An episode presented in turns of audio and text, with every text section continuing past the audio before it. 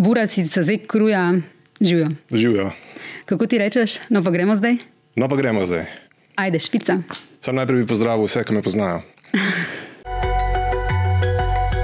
En ena podcast Suzano Lovec. Uh, dragi gledalci in gledalke, poslušalci in poslušalke, z mano v enem ena podkastu je danes um, Žiga Aljaš, glasbenik, vizualni umetnik, grafični oblikovalec. Če se spomnite spletnega hita Olga ali pa spletnega fenomena Buraza, ali pa če poznate grafite Zek Kruja, Strip Generator ali pa band Loudspeaker Alliance, povsod je bil zraven ali pa še je zraven. Če pa slučajno ničesar od tega ne poznate, pa vam uh, se sploh splača poslušati ta podcast. Ne vem, ja. sploh ne vem, razmišljal sem pol. Uh, če se ne bo kazalo več zraven podcasta mojih stvari, ali ima pa smisel, da govorim o njih, pa veš, bom neko stvar opisoval, tako sem razmišljal malo. Dobro, moraš opisati. Ja, ampak se, se drugače pa nisem preveril, ali se kdaj kakšna slikovna gradiva podlagajo tudi. Ali? Ko mi boš poslal, bomo uh, v članek to inkorporirali. Ja. Okay, cool. Skratka, vse to, kar sem naštela, si ti žiga, kot praviš, uh, so to vse tvoje različne identitete. Um, jaz sem več likov, si tudi rekel. Torej, imaš kar razpon. Uh, ja, nekako, kaj sem, mogoče le to, da se ukvarjam in z glasbo, in z vizualnim, in potem video, ki je pač v bistvu časovno. Ne? Glasba pa video sta časovna, vizualno je ponovadi uh, ne vem, neka slika ali pa uh, ja, rečemo slika. Um, tako da cel ta nek razpon sem raziskoval skozi svoj life do zdaj, pa, pa fulurad združeval pa v različne neke kompozicije, ali to prek nekega benda, ali to prek uh, nekih svojih projektov čist različno.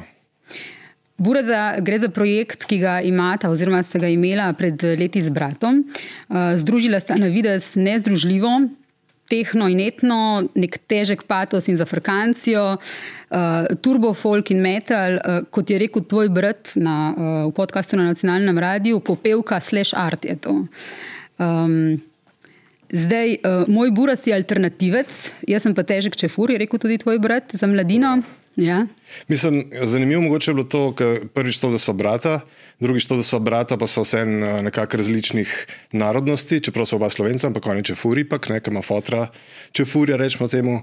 Um, in pol je bilo mogoče zanimivo neki tej alter uh, metelkovskemu folku ali pa radio študent folku je bil zanimiv lih to, kako zdaj če fur v alternativi iz te neke ulice, iz blokovskih naselij, pol v alternativo. Mm -hmm. To so že metr na nek način delali, ampak mi, da smo imeli vse nek drugačen pristop k temu. No. Mm -hmm. Okrog vaju, okrog tega projekta Buraza je bil takrat kar uh, hype, uh, tudi to je rekel ne, uh, tvoj brat. Uh, Grega, uh, Grega Jakhl Kolarovič, uh, da se združi radio študent in radio Salomon. Ne, tako tako ja. uh, Buras je dober človek, tudi on pravi, ampak žiga, kdo vse je Buras? Ja, Buras je vsak. No. Mislim, tako Buras zveni kot samo moški, ampak je moški in ženska. Pač vsi, vsak je Buras, zato lahko rečeš Buras, ni hito, tako da je kot nek, da bi rekel, uh, Adam, Eva, Buras, ne? Mhm. torej tretji. Uh -huh. uh, Olga, spletna senzacija. Um, še bolj kot ta serija spletna je bil verjetno uh, znan komat Olga. Takrat so ga v Evropskem prvenstvu v košarki peli tudi slovenski košarkari. Če se ne motim, so bili v tistem spontanem videu, uh, v katerem so peli vajen komat Dončić, Čančar, Murič, Vidmar. Olga, zakaj ti nisem več več? Uh, to je vsekakor temu komadu dalo zagon, ampak je bil že prej hit. Ne? Mislim, da je bil že prej hit, pa to je tako, mislim, tak internetni hit. Mogoče je bil eh, besedil še najbolj neumen, pa spet tako splošen, ki govorijo. Pač, moj brat poje o nekomu, ki je anže. Tako da je pol, ne, jaz, on je anže in, in kako je zdaj on anže in ali je to nek lik ali je to, folk se je skozi sprašoval in skozi so bila ta vprašanja, ali je to resna stvar ali je to zajbancija. Pa se, skozi se mi je zdelo, da tega odgovora se sploh ne rab dajati na nek način, zakaj je treba nekaj opredeliti kot resno ali pa zajbansko. Ne, mislim, Ampak, ko ste šli videti, recimo, snemati k temu, na kak način ste se lotili tega projekta, še pridemo. In zakaj? Ampak, uh, a ste se vprašali, ali je to resno ali za Ivanca? Ne, v resnici ne. V bistvu je samo nek odvod, ker smo imeli neko težko življenjsko situacijo doma, družinsko. Um, in so se pač z bratom takrat ful pobondala in sva rabila neke te odvode. In, ja, mama je zbolila. Ne? Mama je zbolila, ja. Uh, in potem sva v bistvu delala dol v studiu ki je od strica studio in so ga ful uporabljala in pač delala neke stvari, neke nastavke od muske sem že prej imel, tako da je pa dosti hiter bil neki izdelek, ki je bil kot album. Vendar, in vajen uh, stric je bil član uh, Random Logica, Random Logic, ja, Miha elektronskega, Klemenčič. kultnega Ja. elektronskega benda na slovenskem, vsi smo imeli uh, te plate. Ne? Ja, ja, to Tudi je bilo ti? kar hudo. Ja. Tako da jaz sem se od njega ful učil um, pač te neke produkcije. Vse še vedno je ful kritičen do mojih stvari, uh -huh. ampak Kaj pa reče, recimo? Da ni dobro zmiksan, pa zmasteren. Ampak jaz za nalaž ne dajem to mi- miksati, pa masterat, ker pač fulrad uh, sem neodvisen. V, pač ko, ko želim nekaj ven, dati, dam ven in tudi pač nimam financ, da bi dajal to miksati, masterat in tako. Pa tudi nekako rad stojim za temi stvarmi, kot koli že so. ne. To pomeni, rad imam to, da lahko. Uh, sam zmiksam komade z masterom, ustvarjam, potem video spote sam naredim. tako. Tak uh, one-man band na nek način. Tako, mislim, Uh, saj zdaj za svoje stvari. No. Za Bura je zelo podoben, ker pač brat se ni s produkcijo ukvarjal, pač sem to jaz pa uh, nekako kvačku. On je, pa, on je pa imel nek poligon, da je lahko se izražal prek tega. Ne. Uh, Sej veliko stvari zveni tako, ne, v nekaterih so tudi res namenske napake, recimo slovnične, mm, pa tudi druge. Mislim, zveni tako in zgleda tako, kot da, da je low production uh, oziroma low cost Ja, ja, ja. production in tudi je. Ne? Ja, ja, fuljetko. Ja. Ja. To je ta spalnična produkcija. Um, Glej, v mladini so napisali takrat, ne, poslušalcu hitro postane jasno, da je njuna ekstravagantna in domiselna prisotnost na spletu pravzaprav pomembnejša kot sama glasba. Uh, Muani Sinanovič pa je napisal: Življenje izgubljene generacije, ki se spet najde na internetu in iz nepreglednega materijala smeti in na ključnih referenc ustvari obliko, ki, kot da v imenu izključenih sporoča, ne boste nas zjebali, kljub temu, da nas izključujete, smo neprimerno bolj kreativni kot vi. Tako sta ona dva bolj politična, kot bi ta hip v Sloveniji lahko bil marsikakšen družbeno-kritični rep. Um, kaj v družbi um, si, po tvojem mnenju, trenutno najbolj zasluži kritiko žiga? Um, je, meni osebno, pa tudi prek ve, večine mojih projektov, pa mogoče tudi Zeg že to počel takrat, um, je neka kritika na, na to politično korektnost preverjena. Uh -huh. no. Tako da, da rata sicer zaradi nekih stvari, kar je logično, ker je pač globalni svet, je treba paziti na take stvari, ampak pol same neki komuniti rata je lahko zelo rigidni. Um, v, v tem, kaj se da sporočati, kakšne feelinge se da ven dajati v, v muziki ali pa v artu, kakorkoli. Uh, vidva ste že veliko z bratom, ne? ste že v otroštvu veliko snemala. Nekako ja. Ja. ste igrala s temi mediji. Uh, rekel si že, da je bil um, ta studio vajenega strica vse čas pač prisoten, oziroma da vam ful pomaga pri tem. Um, mediji vajni pa so v bistvu YouTube in družbena omrežja. ne. To, Tako nekako. Ja. ja. Vajno naravno okolje je torej internet. Recimo, recimo mislim, imela sva en koncert, to je bil Tresk, uh, Radio Student, um, pa je bil pač, nama je bil full hud, pa res smo se pripravili, pa naredili malo bolj tak metalsko-rokerski žur. No? Da je v bistvu sva prevedla to glasbo še z dvema glasbenika, ki sta v bistvu dosti metalskega izvora. Uh, sva prevedla dokaj v tako dosti surovo, pa v bistvu zelo Meni se je zdelo, da je bil kar epik koncert, no. kljub temu, da bi lahko zvok bil boljši. Tako, ampak ene stvari se pač zanemar, ker pač dejansko se nimam za profesionalca glasbenega. Um, in pol nekje rečeš, ok, tok pa tok se lahko pripravimo na tak koncert, več pa ne. ne. Uh -huh. Tako da se mi, da bi tudi več nastopala, sam je to tako težko imeti bend, pa to so taki odnosi, ki so res uh, zapleteni. No. Mislim, če greš v bend, je tako, da bi šel v neko vezo na nek način. Ne. In če greš iz benda, Je tako, da bi končal neko vezo. In najhujše je unik, ki je par v bendu in pa gita oni dva narazen in še bend narazen. In to je tak dvojni break-up. Uh, ob albumu Živali je Radio Student napisal, da sta samonikla in uh, onkraj žanrska.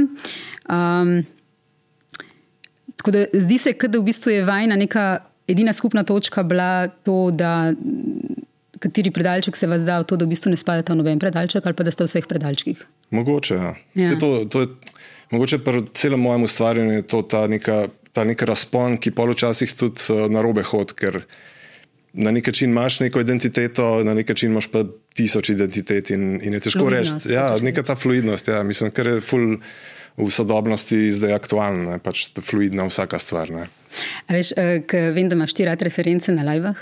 Ja. Pa lahko le uporabimo uh, Alekseja Monroja, ki je za lajvah rekel, da so pluralni monolit, da v bistvu tudi pač to je slavno zrcalo, v katerem vsak vidi tisto, kar hoče videti. ne, tako mogoče Roša kot test. Ja, mogoče, ja, tudi, mogoče eh, tudi v Burazi pač eni vzamejo kot turbofolk, drugi vzamejo kot neka težka, težka filozofija, ne, ki jo ti zraven pišeš, pa se zmišljuješ. Ja, eni Eto. pa kot noise. Eni pa kot noč. Ja. V bistvu bi to, to je bil res tako odvod. Um, ne vem, kako bi rekel. Pač Nekaj treba bilo, ali je bila to jeza, ali je bila to žalost, ali pa neka naivnost, ta otroška, ki so jo dala skozi to ven. In moj brat je tudi pač, uh, gorila od človeka, in pol, ko je on v nekih komadih tudi neko tankočutnost pokazal. Mogoče ta razpon je bil pa zanimiv, ne? kako lahko nek primitivni čefur pol poje tam v nekih uh, zelo subtilnih uh, zadevah. Tako. Skozi to destilirava skoj, skozi svoj life, ne sta rekla. Kaj je Ja, treba ja. destilirati, kaj je to, kar je treba destilirati. Mislim, nek prevod je to, um, tega, kar se ti dogaja skozi nek simbolni svet, a gess, ne? skozi nek ta ab- absurdni. Um, absurd je dost neka stvar, ki, ki me skozi spremlja, pa mogoče tudi v Zeku že to bilo. Ta postmodernistični absurd, ne, zanimiv. Um, pa, pa prek, mogoče nekaj, tudi prek, dost je šlo ta toksičnost, na, moška toksičnost je bila tudi prek tega v bistvu vendana. Mm -hmm. Tudi ta koncert je bil zelo brutalen. Um, zelo ne, velike ene- energije je šlo ven. Mm -hmm. Um, v podkastu na Pedestal leta 2018 na nacionalnem radiju sta rekla, da so naju v predal, dali so naju v predalček zabavljača, midva pa tudi malo pridigava. Uh, torej, muzika, humor, ampak tudi pridigava. Ampak o čem je treba pridigati danes? Um, Vidva ste takrat pridigala kaj? Ne vem, mogoče sem jaz takrat še malo bolj v to smer razmišljal, pa sem itak videl, da, da, da še preveč. Um, da mora to vse. Problem lih burazov je bil to, da prvič to, ker je to ena intenzivna stvar, ne more to biti kar zdaj. Ne vem, koliko let, ne, ne moreš kar skozi biti intenzivno prisoten, ker je na nek način tako punk, pride, gre. ne. Um, to pridiganje, pa mogoče sem imel takrat obdobje, malo več pridiganja, mogoče jih ta situacija z mamo, ki je bila pa pol si kritičen do sebe, do sveta, tako malo te, mal ti spremeni pogled. Um, vsekakor zdaj manj to hočem početi. No. Ali, pa, ja, ali pa mogoče ne direktno pridiganje. No. Če že, da je, da je prek nekih. Uh, Ne vem, neka parodija na neki in pol človek že začuti, mogoče tudi podzavestno neko kritiko ali pa kaj. Prideva k temu. Uh, povej mi še, kaj Bura zadelate danes, zdaj uh, k tvojim samostojnim projektom še prideva, ampak a delate kaj skupaj, ne delate, zakaj? Um, trenutno ne, ampak smo takrat imeli toliko enih stvari, poleg, poleg muzike smo se, smo se pa lotila še Olga serije, ki je v bistvu bila narejena po Olga komadu uh -huh. uh, in je kao, kako je nastal ta komad in je cela serija okoli tega narejena. Um, to, je, bila tudi ena izkušnja, kjer recimo smo kupili full hudo kamero, pa pa. Um, pa ni imela noter eh, stabilizatorja in se full trese kamera, in tako. In pa sva z bratom imela zaradi tega pač neko slabo vest ali pa očitke en drugmu. Um, Pa zdaj, ki pomislim, je malo grenkoto, ampak v resnici, ki gledam serijo, je še vedno ful dobro. Ne? Ampak valjda bi hotel, da je tudi tehnično na nivoju. Uh -huh. Če smo že pač tudi spote, na začetku smo s telefonom snemali, pa smo pa začeli delati razne stvari, od 3D a, animacij do fuljenih stvari. No. Tako da je težko reči. Mislim, da tretji album je bil ful manj uh, low quality v smislu, ni bil ta, je bil že kar spedenan. No. Pa, pa eni bo rekli, mogoče to obdobje Buraza, ker je bilo že preveč spedenano, ker je ta neka primitivnost v bistvu bila rdeča nit na začetku in da, da je boljša, ampak pač folk ima različna mnenja. Ne. Uh, tvoji novi projekti ali pa aktualni projekti. Mm, Pač opazila sem, ne opazila sem, spremljam to animacijo, ta prijatelja za vedno, uh -huh. uh, ki te zjutraj nasmeje. V bistvu ta dva uh, lika, Joštin, kaj že? Joštin Klemen. Klemen. Uh, ti praviš, da to deluje stupid, ampak je neka filozofija zadaj. Kakšna filozofija je zadaj? Tle Um. v bistvu dajes ven to neko družbeno kritiko, ki pa ni zapakirana kot družbena kritika, ampak kot. V bistvu je satira. No? Yeah. Ja, mogoče lih ta AI, že to, da, da je to imenovana AI serija, čeprav ni zares AI, ne? Mhm. ampak mislim, da je jasno, da, da sta te dva lika, kot da bi bila. Kot da bi, AI, kot da bi pisal AI scenarij za, za to. Čeprav pišeš ti scenarij. Čeprav jaz pišem, ja. Uh Mhm. -huh. Ampak gre za to, da one dva se pogovarjata na tak nek naiven način, kot bi nek računalnik se sam s sabo pogovarjal. Ne. In pol, ko se one dva dotikata kot dva aliena, v bistvu človeških tem, prek tega v bistvu vidiš, koliko imamo tudi mi neka načela čudna ali pa neke, neka pravila obnašanja ali pa pogovorov. Pa tako. Mhm. Um, enkrat mi je bilo smešno, ker si v bistvu, ker sta imela podcast, pa je bilo ja, podcasta. Podcasta. ja. Ja, ja, probamo furati pol v sam ta branding, ker sem pač grafični oblikovalec po poklicu. Uh, probam recimo prek te satire pol dajati različnim brandom čist nek kao zrcalni svet tega brenda. Ali pa recimo Tinder je Tender. Mm -hmm. Pa tudi naredim pa logo, ki je mal drugačen. Uh, in cel, vse je tako malo naivno v Comic Sansu narejen, kot taka internetna govorica, zelo meme govorica. Pa v bistvu, če je bila Olga, naprimer, za primer.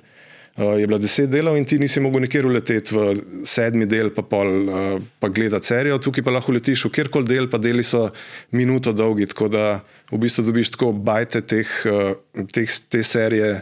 Um, pač dobiš na internetu, enkrat priješ na njo in pa vidim, da oskrat mi folk lajka še za nazaj stvari. Mm -hmm. In pa on gre lahko globinsko v to in pogledati. In v bistvu jaz sproti razvijam ta dva karakterja in uh, dejansko lahko opaziš tudi razvoj karakterjev. Ti drugače, uh, pač kot uh, grafični oblikovalec, delaš za eno od teh velikih firm, to je tvoj day job, ne? Ja. S katerim si služiš kruh, da lahko pol kaj vse to, o čemer govoriva, pa o čemer še bo govorila, kaj delaš za. Da financiram ali kako. Ja, a bi rekel, a bi rekel Jošt ali ta drug Klemen, a bi rekel za dušo. Za dušo, mogoče A? bi A bi rekla. Klemen. ona dva? Oba bi rekla to, verjetno. Bi rekla, ne? Sam vsak bi nekaj drugega mislil. Ja. Kaj bi pa ti rekel, zakaj delaš um, druge stvari? Te druge stvari so za dušo, ampak tudi, uh, okay, sicer je fajn, ko nek komat naredim ali pa karkoli, je fajn uložiti nekaj denarja ampak klih to je prednost, da, da mi ni treba porabiti veliko denarja, ker nekdo, ki bi dal nekam v produkcijo nek spot delati ali pa v produkcijo mix, mislim, mix delati ali pa master, um, bi pač se skeširal za take stvari, jaz pa lahko veliko več ven vržem uh, enih zadev. Zdaj, Eni bo pa rekli, da je preveč stvari, pa premalo so kvalitetne, ok, pač vsak ima svoje mnenje. Ne. Mm. Mene pa včasih neke stvari so mi zaradi te surovosti bolj zanimive. Ne. Mm. Mhm. Skratka, da dobivaš očitke, da gre za hiperprodukcijo. Ma ne, da dobivam očitke, ampak valjda dobiš kakšen komentar na kakšne stvari ali pa začutiš od nekega frenda, kaj je njemu pri tebi dobro, pa kaj mu ni. Tako pač mm. itak spremljaš. Ne. Se tudi ta, ta serija prijatelja zavedno, pač vsak del, kadam ven. Pol nekako vidim odzive, in mogoče bo naslednji del pol nekako komuniciral z, z odzivi, kot sem jih jaz dojel. Tako da lih ta aktualnost, to, da lahko jaz to serijo, jaz lahko zdaj le grem dan, pa v eni uri naredim podcast teh dveh človekov, ki se isto pogovarjata, kam idva mogoče. Ne. Mhm. Tako da neka ta možnost hitrega komuniciranja, odzivnosti, pa pocene. Ne. Sem da mi dva nisva, kot Jošt pa Klemen. No, sva, vsi smo. Jošt pa Klemen smo vsi. Ja. Ja.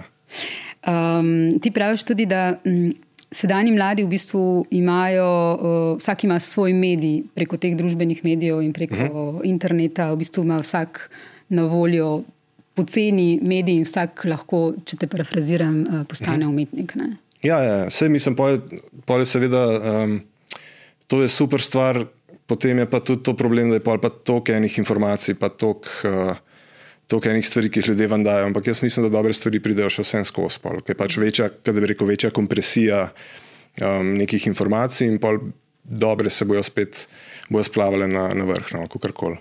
Um, ampak ja, to, to mi je fajn v tej, v tej dobi, da je človek z, z orodji lahko že ful močno. Um, orodje spet, ali pa je ful, ful dober. Vem, lahko je umetnik že samo to, da dela dobre memete, ker nek meme, nek, ne vem, neka slika, ki ima not deset pomenov, pa deset nekih kontekstov, ti včasih več da kot nek, ne vem, TV show ali pa, ali pa neka cela serija. Pač ful je zanimivo, kako.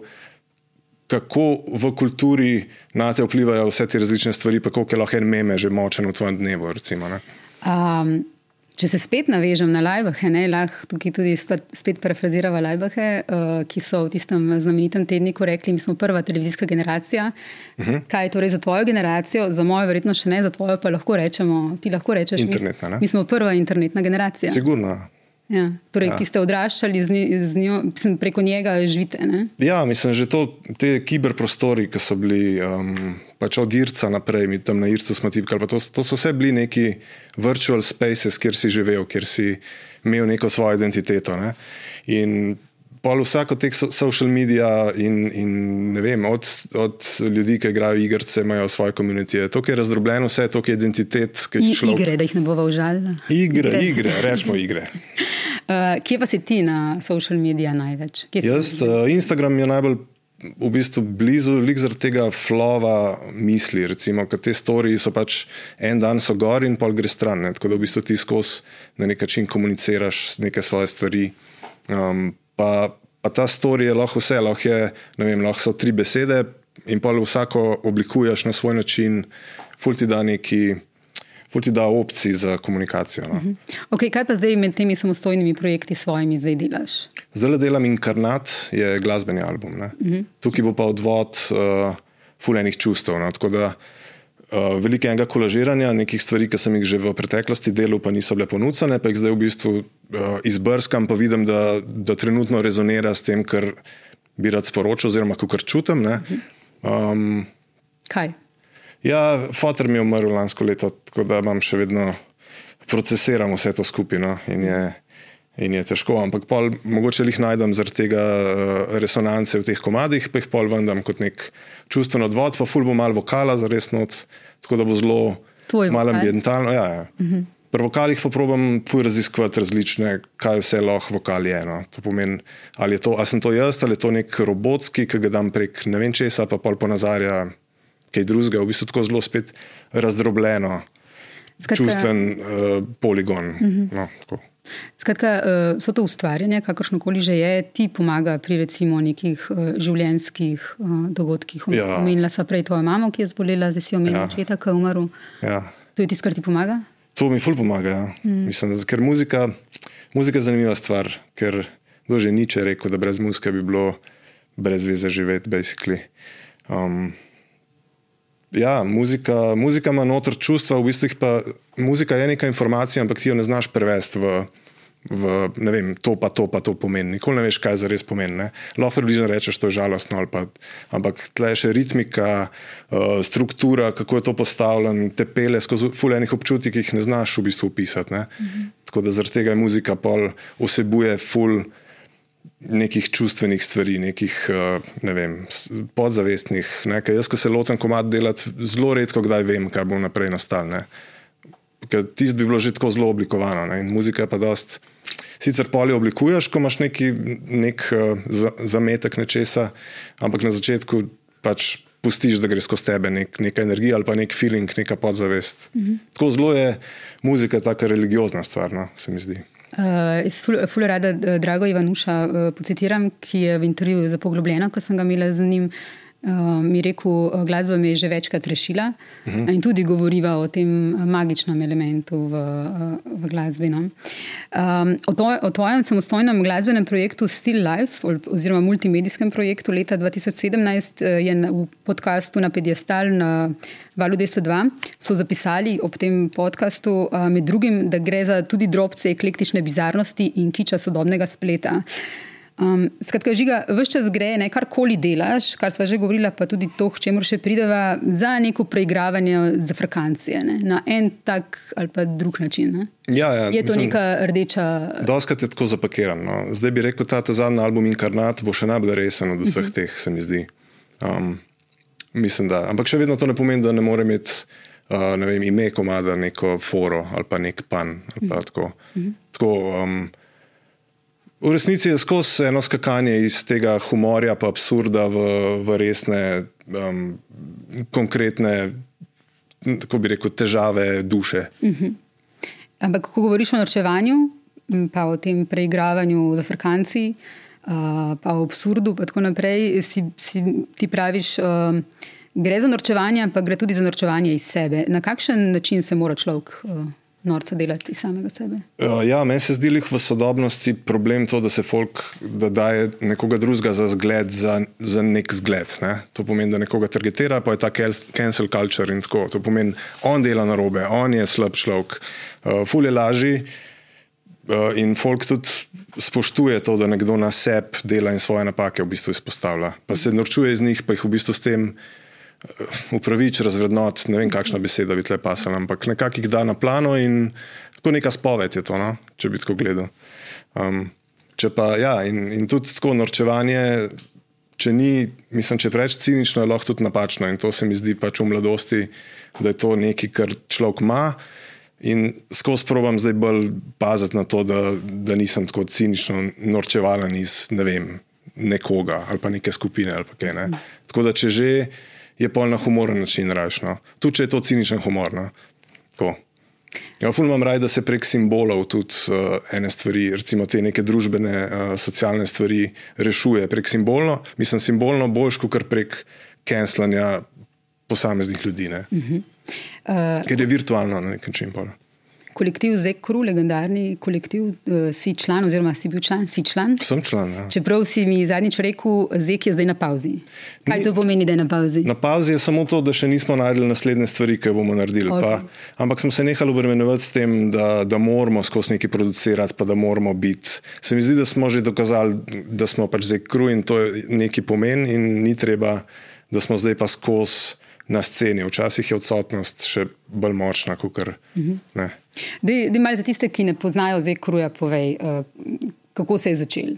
Uh, to je grafiterski kolektiv, uh, s tem, da jaz sem edini, ki ni nikoli grafito risal uh, v Zekruju. Pa sem bil vsem takrat sprejet, ker smo imeli nekako podobno razmišljanje. O... Takrat se je začel ful. Ta street kultura je bila mogoče zelo s pankom povezana, na nek način ta grafiti kultura, ker je bila tako uporniška. Ne?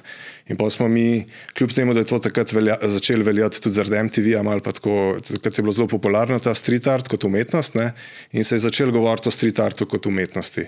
Ampak hkrati pa mi smo pa vedno želeli biti uh, izven institucij in to smo tudi vedno počeli, pač smo bili neodvisni od nekih ne vem, sredstev ali pa česar koli tako. Uh, imeli smo to nam je bil privilegij, da smo lahko čisto sami svoje stvari ustvarjali. Plus pa, pa imaš nek zunani vidik na, na, na ne vem, kulturo ali pa.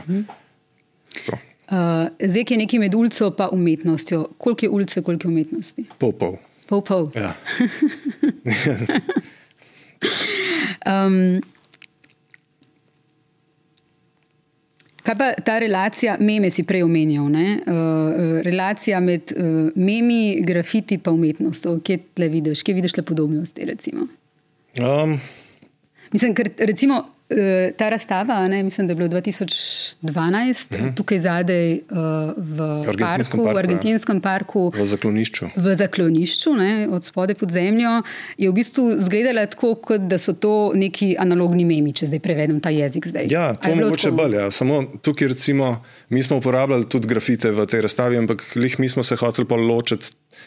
Kukar je pač grafiti, so skozi neka baza, ampak mi smo hoteli pol delati čist univerzalno neodvisne stvari. To pomeni, imeli smo neki jezik, predvsem spet ta humor nas je nekako vezal, pa neka ta absurdnost, pa večdimenzionalnost. Tako da tukaj z memeti se da primerjave delati. Ker neka razstava, ki si prišel, si ti videl neko prvi nivo razstave, pa če si šel malo globje, si še kakšne odkril. Ne? In je na večjih nivojih deloval, tako kot zdaj meme deluje na večjih nivojih. Ne? To je sicer lahko malo elitistično, ne? ampak včasih se je težko izogniti temu. Ne? V enem intervjuju na spletni strani dela sem videla, da si rekel, da pri grafiterjih je tako, da tisti, ki popiše rak, eh, vlake, je ja. Ta glavni car. Ja. Dej, ti očitno jih nisi popisal. Ne? Ne, jaz jih nisem, tako da nisem glavni car. Ampak zakaj je tisti, ki vlake poriše, ta glavni car? Uh, V grafiti svetu je pač so, so neki, kako se reče, temu, neko tekmovanje v tem, kdo je večji car. Je to, mislim, se jaz premalo, pač zdaj oni bojo rekli, verjetno drugače, ampak kar sem zaznal, je to, da če cel ta whole kart, cel vlak porišeš, da, da si pač legenda. Pol, uh -huh. Pa pa valjda tudi, kakšen je ta pis, uh, koliko je kompliciran, recimo takrat moraš zelo hitro delati, to pomeni, da moraš nekaj zelo enostavnega pa, pa vse pobarvati, pa nekaj enostavnega gor početi. Ne. Težko je zdaj krancljati neke uh, ornamente. Uh, Tako da je zelo punk v tem smislu. ne, Ker punk grafiti so tudi, uno, povemo v besedah, forme ni, čeprav je pa punk šel v svojo formo. No. Tako, uh, Pri Zeku se je zelo občutila tudi ta ironizacija sodobne umetnosti, oziroma konkretneje bi rekla uh, tega art trga, torej hmm. trga umetnin. ne.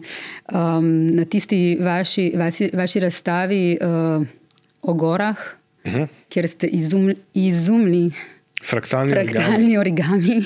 Tehnika, ja. Aha, ja.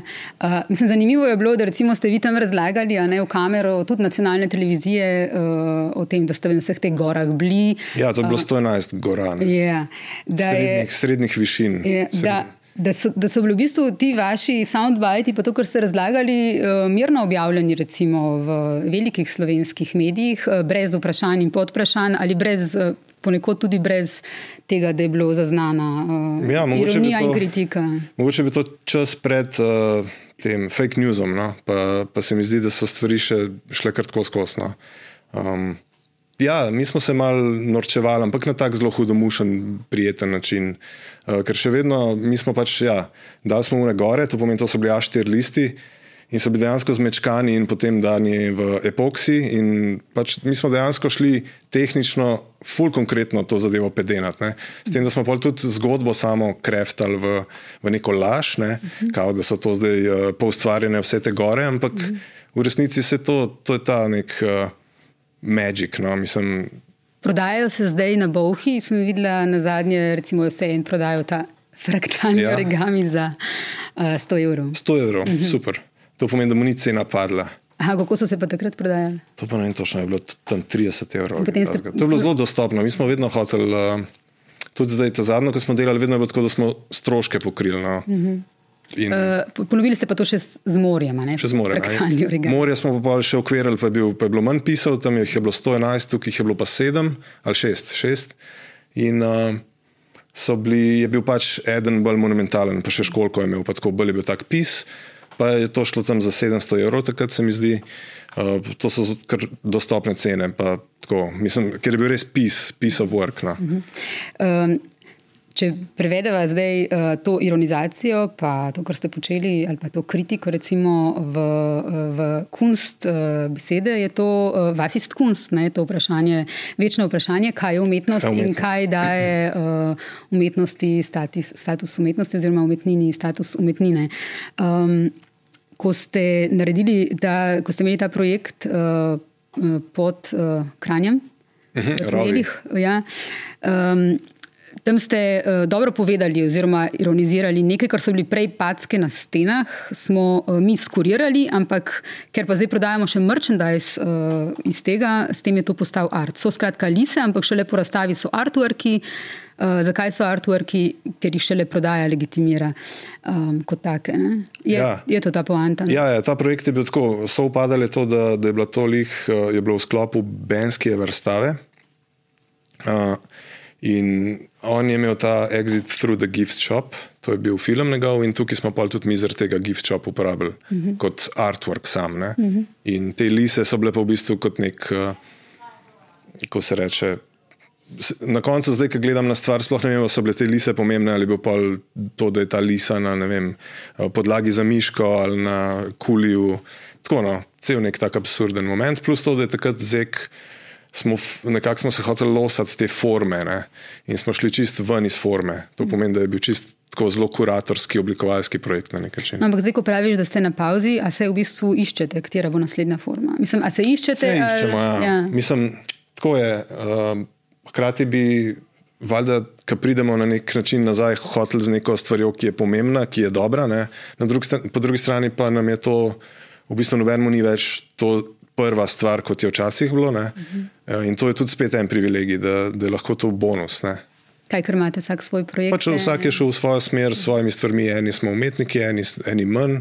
Pač ni, ne definiramo to, pa, pač plemenitimo se vsak v svoji smeri, lik zato, ker nismo več um, tako ko se reče, bazirani samo v zeku. No? Ni to edina stvar. Mm. Mogoče meni je to super, pač v bistvu. Mm.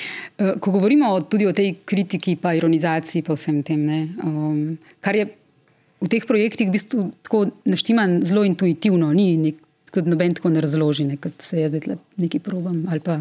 Ja. Hočem reči, ni bilo teh, tega drobnega tiska zraven takrat. Um, se postavlja neko vprašanje, do, do kje biti resnicoljuben in kje začeti z lažjo, oziroma kje, kje končati z lažjo in kje hmm. biti resnicoljuben. A si kdaj o tem razmišljal? To je že kar filozofsko zdaj. Ja. Ja, Mogoče je to, da, da so te stvari večinoma v umetnosti, ki smo jih delali, doskrat zelo intuitivne. Hmm. Je pa mogoče samo retrogradno lahko, lahko greš gledati te stvari, kam so pasale, pa v kakšen kontekst v unem času, pa kako je zdaj napram takrat. Um, ampak veliko velik smo bazirali tudi na te primitivnosti, in, in pa tudi uh, od Zeka naprej ta odvod, ki je bil buraza na nek način, je bil spet na, na, na primitivni podstati. No? Mm -hmm. uh, Miha Artnak je pred leti za nacionalni radio o Zeku rekel: humor nas bolj veže kot grafiti. Ja, sigurno. Ja. Ja.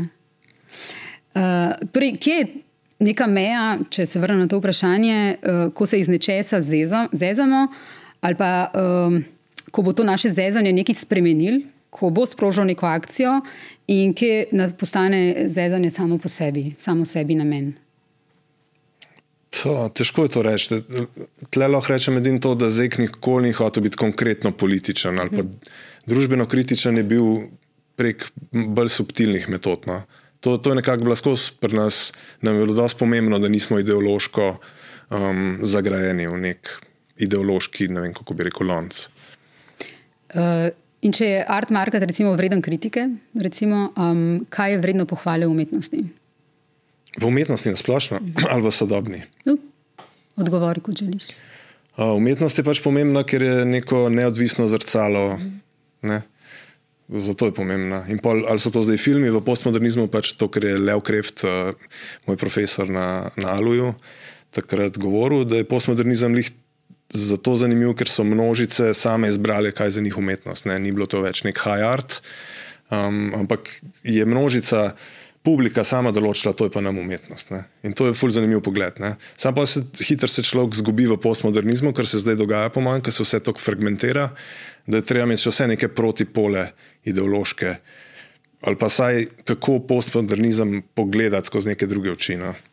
Kje se pa recimo pri tej zafrakanci, humorju, um, ironizaciji uh, ustaviš? Kje je pa tista meja, ki ne bi prostopil, kje, kje pa treba biti resen? No? Ja, recimo, nikoli ne bi dal memeta ven, uh, zdaj ob poplavah. Uh -huh. naprimer, Ker se mi zdi, da je to čas za neko solidarnost in je mogoče rabi tih, kot da, da komentiraš neke stvari ali pa da probiš biti takrat smešen. No, uh -huh. A se kdaj sprašuješ?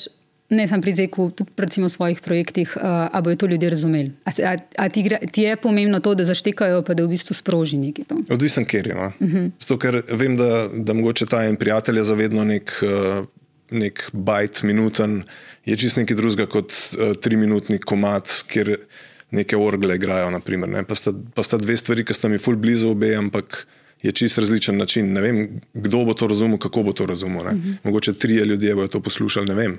Ne? Uh, pri vsem tem, o čemer smo govorili, pa še o čemer bova, vse, kar počneš.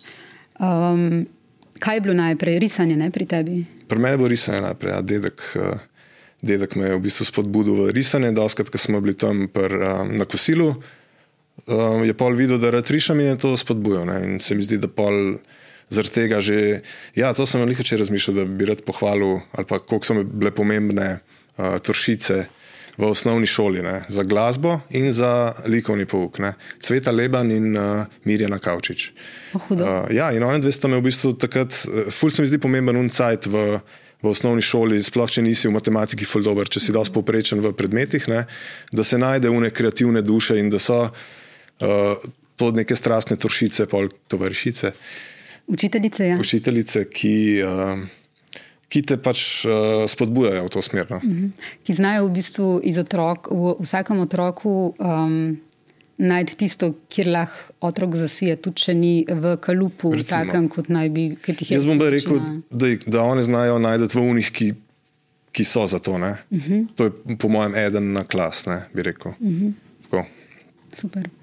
Um, strip generator, to je velik del mene, si mi rekel. Uh mhm. -huh. Skratka, strip generator je orodje, projekt, ki je um, ljudem, ki ne znamo risati ali ki ne znajo risati, uh, omogočil, da lahko delajo stripe. Uh -huh. uh, na spletni strani računalniškega muzeja piše, leta 2007 se zgodi tudi stripgenerator.com z, izčiš, z izčiščeno črno-belo grafiko in namensko preprostim umestnikom za ustvarjanje ter nadzorovano deljenje avtorskih stripov, slovenski strip generator Žiga Aljaža in 3FS na svojem vrhuncu pritegne mednarodno spletno skupnost preko 100 tisoč uporabnikov ter ustvari več kot milijon stripov, s katerimi komunicirajo člani družbenega omrežja med seboj, ocenjujejo in komentirajo stripovske stvaritve drugih članov omrežja.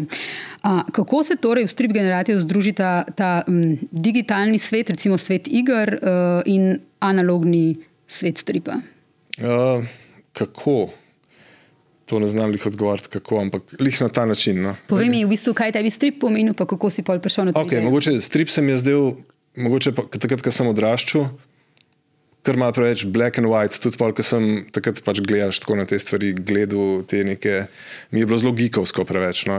Mogoče me, pol, me je bolj privlekel zek in ta uh, grafiterski, hip-hoperski, bolj kul cool je bilo, no, kako bom rekel. Um, še vedno je pa strip bil tako velik del mojega lifea, pa sploh pa pol to ustvarjanje stripov ali pa teh elementov v pač digitalno, uh -huh. ker je čist neka druga logika, ki je vse klin, pa, pa zelo enostavno.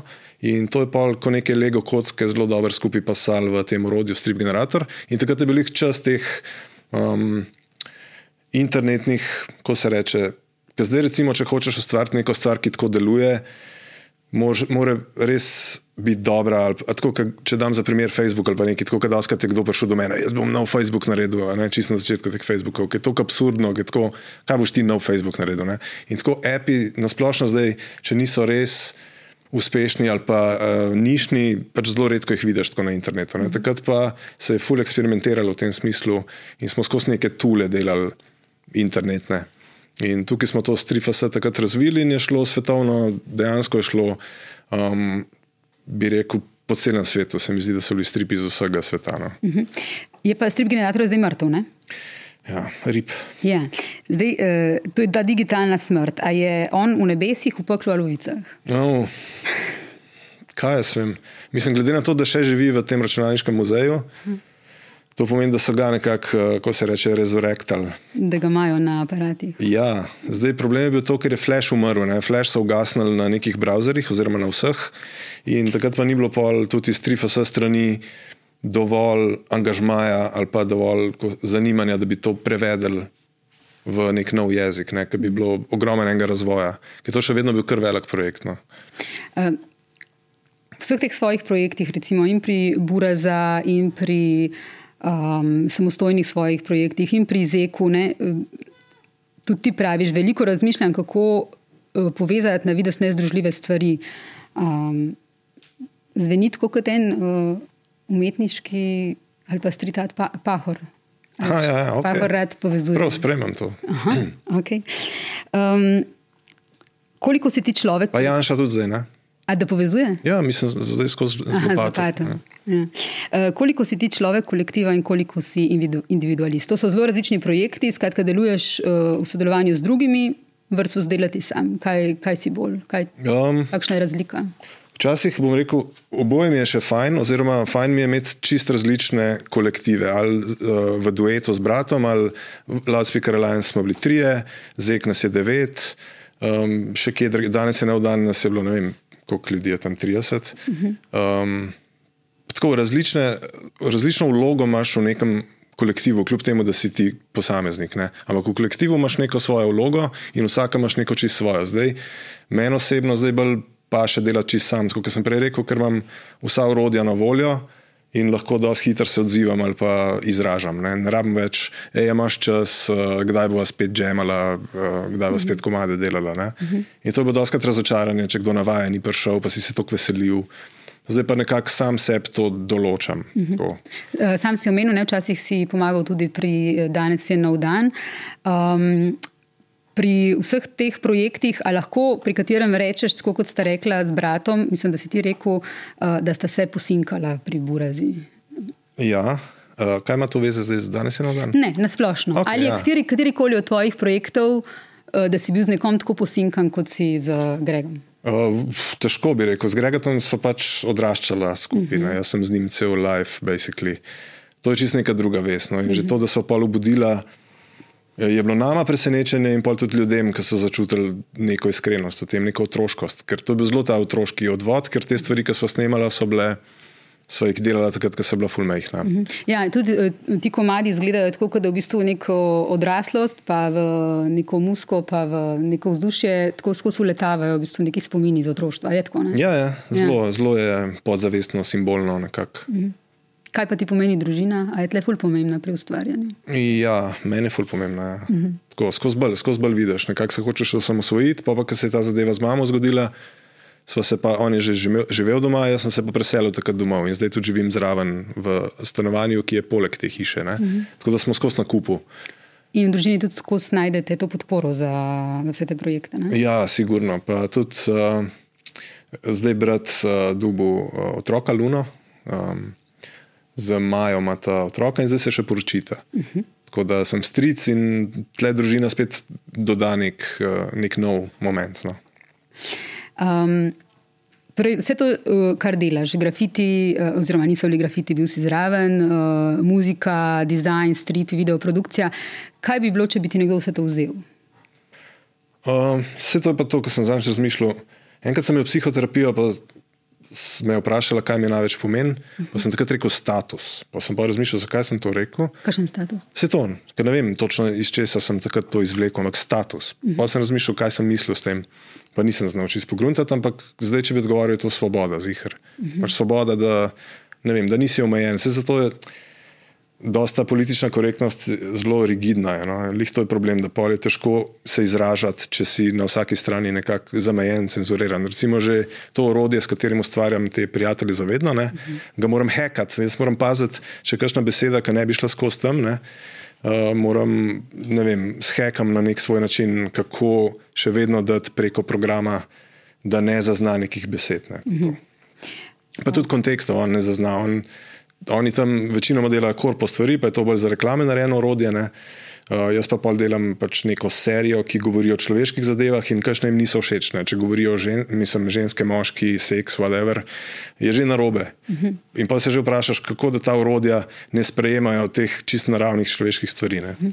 Uh, v tej seriji se obregnil tudi ob statusne, statusne simbole zadnjič. Uh, ja. Kateri so v bistvu zdaj statusni simboli? A za, na Tindru? Mah, kjerkoli, na Tindru tudi. ne vem, mislim, jaz se cel life probam boriti proti temu, da bi bil denar prvi glavni statusni simbol. Ja. Pač, ne? in zato tudi mogoče bi lahko več zaslužil, ampak mi ni to, to pomembno, pa mi je ok zaslužiti ok denar. To, da lahko preživiš. Ja. Ja. In pa tukaj moji statusni simboli bi bili, ne vem, blih mogoče to. Umetnik je mogoče nek čist tretji. Ga je težko, ni, ni teh, da bi rekel to, pa to, pa to. Ne? Ker umetnik je kot nek dvorni norček, ki lahko mal drugač.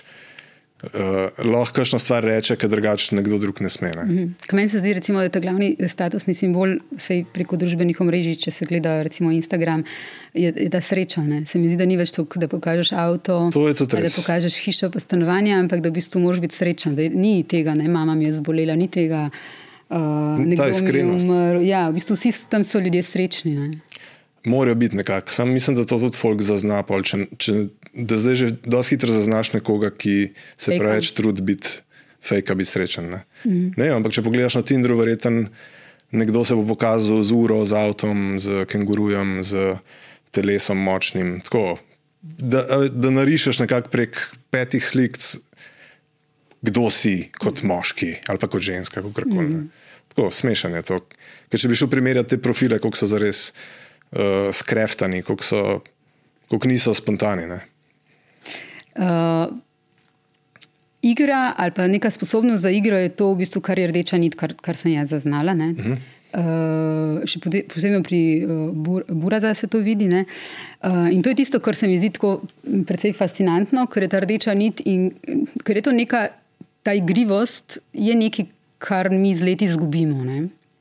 Uh, posebej naša generacija. Pol, ko se utiriš v te vsakodnevne jobe, v skrbi, v to, mm. v bistvu ti zmanjka časa, pa volje, pa vsega za to igrivost, čeprav je ta igrivost tisto, kar v bistvu uh, ti dejansko voljo lahko daje. Kako to ohranjaš? Pol? Ja, lih prek Mislim, prav, projektov, ja. nisi ravno več mlad, ne si star kot 40 let. Vse to, ne. Mislim, jaz sem cel, cel life sem govorila, ali pa cel life sem imel feeling, da pol, ko si tako star, da, da si pač kar za ne odpad. Ne. Uh Mhm. -huh. Zdaj pa nekako ne čutim tega, oziroma se pač še probam boriti. Pa, pa nekako se mi zdi, da sem lih na neki dobri sredini, kjer lahko komuniciram in s starejšimi in z mlajšimi, neka ta lepa sredina zlata. Ne vem, men, jaz se dosti dobro počutim. No. In kako to igrivost ohranjati? Recimo, a je to. Kaj, da veliko razmišljaš o tem, kaj te, kaj te zabava, ali uh, Tudi neka filozofska, religiozna podstat je dosti pomembna. No. Meni je zen budizem, recimo, ful blizu. Uh -huh. Ker zen je zelo tak igriv. Uh -huh. um, tako da tudi, tudi take stvari. Sam, tako kot sem prej rekel, muska pa religija je bila vedno pri meni neki podobna stvar. Ne, se mi zdi. Tudi če gledaš neke te komade, ki jih delam, so včasih kot neki čenti ali pa, ali pa neke molitve. Tako ful, zanimivo je to analizirati. skratka, uh, moja religija je glasba. če te Na nek način. Ja. Um, Ilustracije, strip, grafiti, uh, video, multimedija, nove tehnologije. Vse razen grafiti. Ja, vse razen grafiti, grafiti si pa zraven.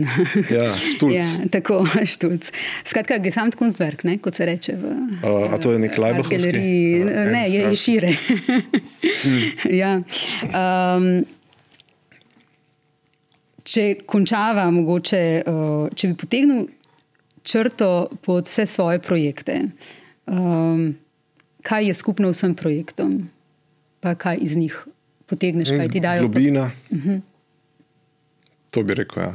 Je neka globina. Oziroma, ne bom rekel, da je to neka, da je to pretenciozno v smislu filozofska globina ali karkoli. Ali pa mogoče je lahko samo globina nekega začutnega momenta, ki je lahko čist primitiven ali pa otroški. Ali pa iskrenost. Mogoče. Iskrenost. Mogoče iskrenost bolj. Ja. Okay. Hvala lepa za pogovor, Žiga. Hvala. Hvala tudi gledalkam in gledalcem, poslušalcem in poslušalkam. To je bil um, drugi en na podcast ten tednu. Se vidimo spet čez kakšen teden. Adijo.